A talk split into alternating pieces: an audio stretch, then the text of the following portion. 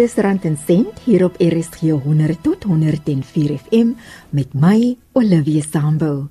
Baie welkom en dankie aan elke luisteraar wat vandag ingeskakel het. Volgens 'n opname deur Momentum Beleggings word byna 42% van Suid-Afrikaanse huishoudings deur vrouens beheer. Leonie O'Connell van Momentum Wellness Practice sê dis uiters moeilik vir baie vrouens in daardie posisie om te spaar, maar dis tog belangrik om steeds verantwoordelikheid van jou geld sake te neem. Elke sent gaan in kos en klere en skoolfonds en al daai tipe van goed. Maar ek dink vir 'n vrou tog om haar eie goed in plek te hê. Sy moet haar eie bankrekening in plek hê. Ek ontmoet nog vrouens wat nie hulle eie bankrekening het nie. En almal situasies is anders. Ek dink haar onafhanklikheid is so belangrik. Ek dink 'n vrou moet haar eie bankrekening hê. Sy moet haar eie spaarplan hê. Sy moet haar eie aftreebeplanning hê. Ons weet nooit wat gebeur in ons lewens nie en baie keer doen ons nie ons eie eie beplanning nie want ons ons dink jy gaan aanhou werk vir altyd. Maar so jy kyk nie agter jou aftrede nie. Jy sal aanhou werk vir altyd want jy het prioriteite wat jy nou moet agterkyk. So daar's nie nou daai 10% om weg te sit. Maar die realiteit is as jy 70 is, gaan jy dalk nie meer kan werk nie. En dan wat? Wie gaan agter jou kyk? Wat los dit vir jou? Ek sê altyd uh, jou toekomstige self kyk na jou vandag as 'n herinnering. Ek dink ons praat nie daaroor nie, want ek dink daar's baie min vrouens wat regtig in 'n posisie is om geld te belê. Enkel mamas soos wat ons gesê 42% kyk agter hulle hele huishouding. Daar's min mense wat regtig in 'n posisie ek, ek dink is om te praat oor beleggings, maar dit is so belangrik dat ons agter onsself begin kyk, want ons kyk agter almal om ons, maar ons kyk nie agter onsself nie. Ek dink as ons uitgaan en 'n punt daarvan maak om iewers in 'n conversation met met elke vrou wat ons het, jy weet net te vra, het jy 'n testament? Spaar jy? Net so 'n ligtelike gesprek te hê oor finansies en finansiële beplanning. Ons is almal se se verantwoordelikheid om seker te maak as 'n heel dat ons vir onsself kyk, want ons doen nie vrouens sit onsself altyd heel laaste. Ons is baie goed met dit. Al is dit soms bitter moeilik, moet jy steeds begin spaar. En daar is sekere basiese beginsels wat jy moet toepas. Die basiese fundamentele boublokke van finansiële beplanning. So jy moet 'n begroting hê en jy moet binne daai begroting bly. Maak nie saak wat nie. Jy bly binne jou begroting. Jy moet seker maak jy daai neseier van tussen 3 tot 6 maande van jou salaris. Jy moet ten minste 10% van jou inkomste spaar vir jou aftrede. Iets wat ons nie oor gepraat het nie wat baie belangrik is, is 'n testament. So jy moet 'n wetlike en geldige testament in plek hê baie min mense in Suid-Afrika het geldige testamente. Dit is 'n groot groot groot concern. Om weer terug te kom by die um finansiële beplanning is like as jy 'n goeie betroubare finansiële adviseur het wat 'n langtermynpad saam met jou kan stap. Wat jy kan sien, jy weet as daar iets drasties in jou lewe gebeur soos as jy 'n werk verloor, as jy 'n uh, familielid verloor, iemand wat jou gereeld sal sien en daai pad saam met jou stap wat 'n langtermyn doelwit het maar wat ook daar kan wees vir jou as daai bulpas skuif. Jy weet iemand wat die pad saam met jou kan stap en wat jy vertrou. Dit baat egter nie jy het 'n finansiële adviseur wat jy net elke 5 jaar gaan sien nie. Absoluut, absoluut Olivia. Dis hoekom ek vir jou sê dit is so belangrik om 'n finansiële adviseur te hê wat jy vertrou, wat jy gereeld sien. So as jy 'n finansiële adviseur het wat jy 5 jaar laas gesien het, dan is dit tyd om 'n nuwe een te kry. Andersins 6 tot 12 maande moet jou adviseur jou kom sien. Jy moet deur jou finansiële analise werk om te kyk of jy nog op die regte pad, het daar goed verander. Jy weet het die markte verander, wat gaan aan met jou beleggings? Daar's soveel goed wat mens moet oorweeg. Dis hoekom maar finansiële adviseurs is want ons almal het nie die kennis. As jy 'n hele ander lyn van werk is, gaan jy nie noodwendig finansiële bestuur verstaan noodwendig nie. As jy as jy gaan vir 'n kniegvervanging, jy gaan nie verwag dat die chirurg vir jou sê presies wat hy gaan doen nie, maar jy gaan die proses vertrou. Jy gaan vir hom sê wat jy wil hê moet die outcome wees, dat jy altyd weet wat dit is, maar jy gaan die proses oorlos na hom en jy gaan vertrou dat hy gaan doen wat reg is vir jou. Maar wat presies is geldbestuur en wat beteken dit vir jou? Geldbestuur is begroot, begroot, begroot. Dit beteken dat jy binne jou perke moet lewe. So wat ook al jou inkomste is, jy moet binne daai perke bly. Jy moet nie gaan en skuld maak om goed te koop wat jy nie kan bekostig nie, omdat dit nie in jou inkomste val nie. Dit vat baie selfdissipline, want baie keer is daar iets wat ons nou wil hê, ons kan dit nie bekostig nie en dan werk 'n ou kredietkaartjie dan net maar so mooi vir ons. Maar dit is nooit 'n goeie idee nie. So sny eerder leksere uit, spaar eerder om die goedjies te kry wat jy wil hê, maar bly altyd in jou begroting. Jy weet dit is baie belangrik as jy nou 'n begroting kyk het jou uitgawes, maar jy moet ook iewers in daai begroting geld spaar vir tye soos wat nou gebeur het. Verstaan mense moet ten minste 3 tot 6 maande se maandelikse inkomste in 'n rekening hê. So as jy R10000 'n maand verdien, moet jy ten minste 30 tot 60000 rand in 'n spaarrekening hê dat as iets met jou gebeur, as jy jou werk verloor, dat jy vir tot tussen 3 tot 6 maande agter jouself kan kyk. En ek weet nie hoeveel van ons het dit nie. Ek dink ons het dit besef laas jaar dat dit belangrik is, maar baie min van ons het dit beskikbaar. Dit is om korttermyn opofferings te maak om jou langtermyn doelwitte te bereik. Dis Leonie O'Connell van Momentum Wellness Practice. Edward Phillips is van die navorsingsmaatskappy EduSense. Hy is van mening dat die bemarkingsfoefies so doeltreffend en subtiel gedoen word dat verbruikers oortuig word om goed te koop wat hulle nie werklik nodig het nie. Ons almal wil die next best selfoon hê. Hoekom? Selfoon word gebruik om 'n oproep te maak. Ja, jy kan al met baie van die selfone meer krag as wat die Apollo 13 gehad het. Ek kan 'n selfoon vir 6 jaar gebruik. Ek hoef nie elke jaar 'n nuwe upgrade te gaan doen wat my R10000 kos want ek moet die foon kontant koop en net om te sê ek het die nuutste foon nie. Jy kan jou kar vir 20 jaar, 25, 30 jaar ry. Jy hoef nie elke 5 jaar 'n nuwe kar te koop nie. So jy kom nooit uit daai finansieringslas uit nie. En dan ietsie gebeur in die meantime, ons moet vashou aan daai aan die embleem wat op voor op die kar is, jy weet. Ons is nie bereid om af te skaal En ek dink die die bemarking rondom die verbruiker mark is so so effektief dat dit dit entrap mense. Die geld is nie die trap nie, dis die consumerism wat die trap is. So waar spandeer die mense die geld wanneer hulle hierdie skuld aangaan? Is dit regtig emergencies? Dit is daai noodfonds wat jy nie het nie. Dis 'n genuine noodgeval. En ek dink in COVID het dit dalk bietjie meer gebeur. Tydens my navorsing het ek eintlik 'n uh, debt counselors kursus gedoen net om die kredietwet beter te verstaan. En daar's soveel onwettige krediet wat gegee word. So daar's die verbruiker wat goed, wil hê en dan is daar die nie sê loan sharks nie want hulle is nie almal sharks nie. Want dan is daar die kredietverskaffers wat weet daai mense is daar en dan kom hulle net met skuld wat die mense nie kan bekostig nie. Dit is onwettige skuld. Jy kan dit eintlik laat skrap. Want as daai persoon wat die krediet vir jou gegee het nie kan bewys dat hy 'n ordentlike uh, ontleding gaan doen om jou bekostigbaarheid van die krediete te analiseer nie, het hy die krediet onwettig vir jou gegee. En mense beide dalk miskien uit of vertel nie vir jou van alles nie, dan is daar prosesse vir dit ook. Maar ja, om net onder administrasie te gaan is is nie 'n lekker proses nie. Dit is nie 'n goedkoop proses nie. En op 'n vinnig betaal jy maar net baie rente. En mense moet net besef maar hulle moet 'n plan hê. Niemand gaan dood om om net noodsaaklike goederes te doen nie. Dis kom ons dit noodsaaklik noem. Almal het dit nodig. En daar's niks fout om by 'n sekere winkelgroep te koop en nie by ander een nie. Niemand gaan gaan jou blameer nie. Dis maar net 'n persepsie. So, maar die werklikheid is jy's eintlik in skuld. Jy gebruik skuld om daai persepsie te bly voer. Hoekom? Vir wie? Ek dink mense het moet dalk miskien maar net gaan sit en gaan sê maar dit is 'n werklikheid. En partykeer het mense accountability partner nodig. Kry iemand wat jou gaan help. Kry iemand wat dit reg gedoen het of wat dit al reeds reg gekry het om jou net te help. En elke week of twee weke of elke maand, hoe gaan dit? Nou is jy nog by jou budget. Wees verantwoordelik vir wat jy doen en kry 'n vriend wat jou kan help, jy weet so. Partykeer is dit die vriende se skuld dat jy jy's in die skuld is.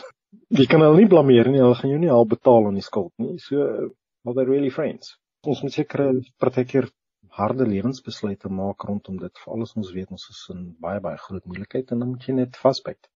As jy vandag begin en jy's gedissiplineerd en jy maak um klein opofferings.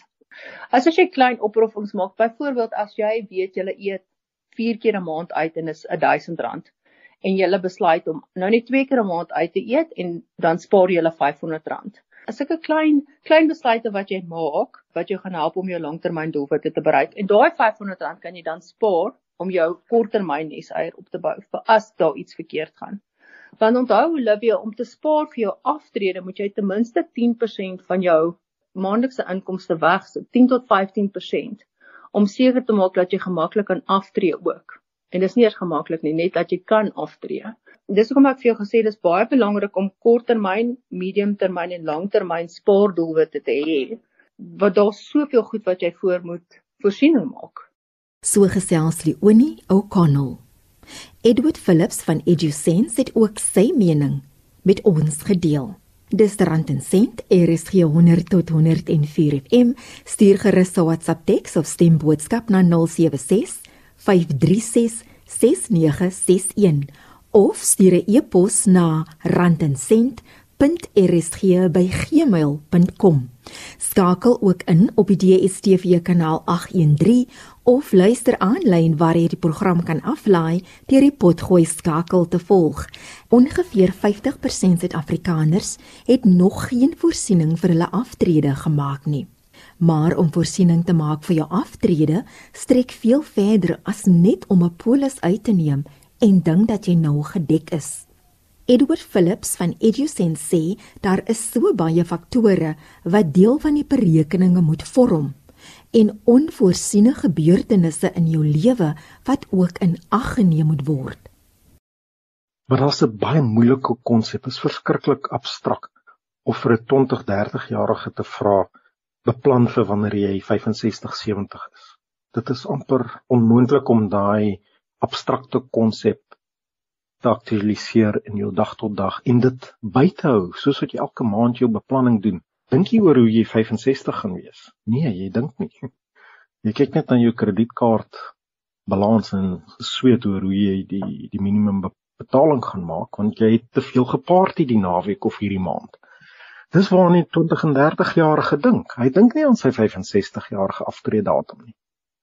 So daar's navorsing wat deur die Universiteit van Stellenbosch gedoen is, ehm um, professor Johan de Villiers en Elise Marie Roux. Hulle het hulle die hele konsep probeer op sy sy dra om te sê wat is jou volhoubare lewenstyl? Wat jy dink jy het nou en jy wil dit volhou totdat jy eendag doodgaan. En hulle maak berekenings en vergoedings vir goeder soos ja, jy gaan kinders sê jy moet hulle onderhoud betaal uh jy moet hulle skool betaal, jy gaan nog miskien twee of drie dogters hê wat jy huwelike voor moet betaal. Allerhande goederes wat jy gaan moet betaal wat nie deel is van jou aftree lewenstyl nie. Beplanning vir jou aftrede is gebaseer op aktuelle berekeninge, maar mense leef nou langer en die model moet aangepas word om voorsiening te maak vir vroeë aftrede en ander gebeurtenisse wat 'n finansiële impak op jou kan hê. 'n soort van die aktuariële lewensverwagtingsmodel was altyd te sê okay jy is 'n man. Algemene lewensverwagting van vir mans was sê byvoorbeeld 76 en as adviseer met 'n man sit en praat dan sal hy terugwerk van soort van okay jy gaan min of meer in laat 70s dood so jy het nog so 12 jaar se tyd en dit word basies gebruik as 'n tydperk vir wat jy nog jou lewe moet finansier. Het jy dan genoeg bates As jy nou 45 is en jy wil aftree op 65, so jy het nog 20 jaar om 'n sekere bedrag geld te spaar sodat jy nou kan lewe op daai geld wanneer jy aftree. Baie groot probleem is en ek soek nog vir 'n mooi Afrikaanse woord vir die uh, Engelse woord longevity. Ons langdurigheid van ons lewe is besig om baie langer te word. Professor Linda Grattan en Andrew Scott het 'n boek geskryf The 100 Year Life. En mediese tegnologie, modernisering van die lewe, klomp goeders het gebeur wat ons lewensverwagting uitskuif na omtrent 100 toe. 'n Kind wat vandag gebore word, gaan teen teen 1 vir 100 jaar lewe. 40, 50 jaar terug was dit baie minder geweest, dit was omtrent die helfte geweest. In sekere Afrika lande met HIV/AIDS en sulke goeders was die oef, die die lewensverwagting is nog laag, 49 of so ietsie. Net so op die os van die jas. Daar is al 'n persoon wat langer afgetree is as wat hy gewerk het. Hy is 'n Nederlander. Hy's nou vir 45 jaar op aftrede en wat langer is as dit wat hy gewerk het. So op daai manier hoe doen jy daai beplanning? En jy is dalk miskien as 'n 20-jarige sit jy hierso en jy wonder maar hoe verwag jy van my ek moet vooruitdink na waar ek gaan wees wanneer ek 65 is en dit is op op hierdie stadium baie van die maatskappye se aftree beleid. Daar word baie gedruk daarop geplaas om dit uit te skuif na 'n hoër ouderdom toe want mense is nog produktief. Mense mense word al op vroeë aftrede gesit voor 60. Die onsekerheid in die arbeidsmark kan ook daartoe lei dat werkers vroeër moet aftree en mense leef ook nou langer. Maar hoe kan jy steeds 'n betekenisvolle en vervullende lewe hê na aftrede sodat die oorgang na aftrede nie traumaties moet wees nie? Hoe kan 'n mens daai nog produktiewe tydperk wat 'n mens het ook gebruik en dalk te bly werk op 'n meer gebalanseerde manier, 'n blended life. So 'n bietjie konsulteer, bietjie mentoring te doen, dalk miskien te volunteer by 'n 'n non-profit en ietsie te leer wat jy dalk miskien graag wou sou gedoen het. En op daai manier leer jy self nog 'n nuwe aktiwiteit of skills en dan kan jy bly aktief bly. Want wat baie keer gebeur is mense tree af, nou eweslik voel hulle heeltemal nutteloos want hy was die baas gewees of hy was 'n senior bestuurder gewees. Hy het mag gehad, uh, hy was belangrik gewees. En dan ewe skielik kom sit mense by die huis en is soos 'n ek het nie 'n hobby nie. Ek kan nie eers my dag beplan nie want ek gaan gewoonlik net kantoor toe en kom huis toe, aan kantoor toe en kom huis toe. So ek is betrokke by 'n netwerk oor hoe om daai oorgangsfase te beplan vir wanneer jy moet aftree. Die werklikheid is egter dat selfs met die beste beplanning kan dinge steeds skeefloop. Jou finansiële verantwoordelikhede neem toe soos wat jy ouer word. Daar is kinders wat ook nog by hulle afgetrede ouers geld kry en dan is daar ook kinders wat na hulle ouers en hulle eie families ook moet omsien. Jy is in die middel en jy het nog jou jou eie ouers. Jy moet bydra na beide kante toe. Dit sal baie interessant wees om te hoor by jou luisteraars. Hoeveel van die huishoudings gee geld vir hulle ouers om hulle te help om net aan die lewe te hou? Want hulle het nie die regte beplanning gehad nie of ietsie het gebeur of ernstig was daar dalk 'n slegte besigheidsbesluit gewees met 'n derde van die pensioenfonds en dit het nie uitgewerk nie en daar's baie stories van daai op daai vlak. En wat gebeur? Die huishoudings wat nog werk, help die ouers en hulle moet nog hulle kinders eie kinders ook grootmaak. Dis net 'n realiteit. Ons lewe in hierdie werklikheid dat ons ouers het dalk swak beplan. Wat kan ons daaruit leer? So die hele konsep wat 'n uh, universiteit probeer doen is om daai abstrakte konsep van ek moet spaar vir ietsie soveel later. En ons soveel biases wat teen dit werk. Ehm um, hulle noem dit the present bias. Ons kyk net nou na ons wat ons nou nodig het. En ek sal eerder nou 'n paar ekstra duur skoene wil hê as wat ek gaan spaar vir my ouderdom. So ons dink altyd ons gaan toekomstige inkomste kry en ek sal dan opvang. Daar's geen sekerheid daaroor ook nie. Maar ons maak nog steeds 'n besluit nou dat ek gaan wel nog en meer geld kom later en ek kan spaar en ek sal dubbel spaar. Dit gebeur nie sommer nie. COVID-19 het 'n groot finansiële druk op verbruikers geplaas. Mense het hulle inkomste verloor terwyl talle werkers se inkomste gehalveer is. Daar is nou groot druk op die regering en pensioenfonde om van die pensioengelde beskikbaar te stel vir mense wat sukkel. So die staat is besig om te sê pensioenfonde want dit is 'n verskriklike gereguleerde industrie op pensioenfonds. Nou wil hulle gaan sê, "Oké, okay, kom ons maak 100 000 van jou sê 400 000 rand wat alreeds in 'n pensioenfonds belegging lê beskikbaar vir jou." Maar daai geld gaan nie sommer teruggespaar kan word nie. Die mense se inkomste vlakke ehm uh, net algemene finansiële dissipline, lewenstyl, daar's soveel ander druk rondom net ordentlike behuising, vervoer, opvoeding. Daar's net soveel ander prioriteite wat daai 100 000 rand baie maklik gaan opsluk en dit gaan nie terugbetaalbaar wees nie. Dit gaan nie. Ons het alreeds met 'n kredietkrisis dat mense nie hulle skuld kan betaal nie.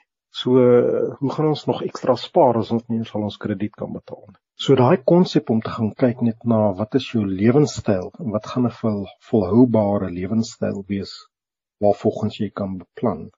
Kom terug na jou lewensplan. Wat wil jy as in jou lewe bereik? Jy nou net klaar gestudeer vir 'n professie, jy word 'n prokureur of 'n argitek of 'n wat ook al jou jou doelwit was wat jy gesê jy wil wees. Hoe lank gaan jy dit wees? En hoe gaan dit uitwerk vir jou lewensplan? Wanneer beplan jy om te trou as jy wil trou? Het jy al gedagte gehad oor gaan jy familie wil hê of nie? Jy weet so daai lewenstyl projeksies is is baie individueel gewys. So dit gaan verskriklik anders ter wees vir elke persoon. Maar jy moet 'n plan hê. Maak jy plan, werk jou plan. Ons kan die plan verander. Maar beplan, bly beplan, bly werk aan om doelwitte te stel. En dit gee baie sekuriteit ook. Net daai gevoel aspek rondom. Ek het 'n plan. Ek het al geld begin spaar vir sekere goederes. Gee jou verskriklik baie meer sekuriteit as die volgende persoon wat dit nie het nie. Wie se skuld is dit? Is dit nou iemand se skuld dat dit so is of nie so is nie? Ek dink elkeen kan 'n plan begin maak. As jy kan beplan om net by die werk te kom elke dag, kan jy begin beplan om net so 'n bietjie verder op te dink rondom van die goed. Dit was Edward Phillips van EduSense. Leonie O'Connell van Momentum Wellness Practice stem saam dat finansiële gesondheid gepaard gaan met beplanning, want jou finansies het 'n impak op vele ander aspekte van jou lewe. Finansiële gesondheid is 'n baie wye spektrum, ek dink, want dit gaan oor jou korttermyn finansiële gesondheid, jou mediumtermyn, jou langtermyn So het jy genoeg um geld in die spaarrekening vir 'n uh, noodgeval as iets vandag gebeur, jou beplanning vir die volgende 5 tot 10 jaar en natuurlik is daar jou aftreebeplanning. En ek dink finansiële wellness loop so saam met jou emosionele wellness, met jou fisiese wellness want soos wat ons nou die laaste jare en 'n half uitgevind het dat finansiële stres impak op ons fisiese gesondheid en ons emosionele gesondheid. Beleggings vorm 'n uiters belangrike deel van jou finansiële beplanning, maar jy moet doelwitte en 'n plan hê wanneer jy jou geld belê. Jy gaan jou korttermyn nie, jy gaan jou mediumtermyn nie, jy gaan jou langtermynbeleggings hê. En dit gaan afhang van soveel goed. Wat wil jy bereik met daai belegging? Jou termyn in die mark. Weet hoeveel jaar het jy om te belê? Jou appetite vir risiko is baie belangrik. Jy weet jy kry jy kan 'n konservatiewe belegger wees of jy kan 'n aggressiewe belegger wees en dit sal afhang waar jou geld belê en watse tipe groei jy gaan kry. So ek dink as dit kom by belê en mense het kapitaal beskikbaar om te belê, is dit belangrik om 'n adviseur te sien wat 'n risiko-analise met jou kan doen. Jy weet 'n risikoprofiel met jou kan doen. Jy kan praat oor die lengte en termyn van ehm um, die belegging wat jy wil maak en wat jou doelwitte is met daai belegging dat daai persoon dan vir jou die regte advies gee. En dis die enigste manier om dit te doen. Mens moet 'n padkaart hê as jy belê. So gesels Leonie O'Connell van Momentum Wellness Practice. Edward Phillips van EduSense het ook sy kennis met ons gedeel. Dankie aan elke luisteraar wat ingeskakel het wat my toegelaat het om elke Sondagmiddag vir 'n paar minute deel van jou lewe te wees. Ek wil ook dankie sê aan die wonderlike gaste wat hulle kennis, hulle insig en tyd gedeel het. Volgende week is dit 'n nuwe stem en 'n vars briesie op rand en sent. Ek is Olivia Sambo en ek groet vir die laaste keer hier op Rand en Sent, RSG 100 tot 104 FM.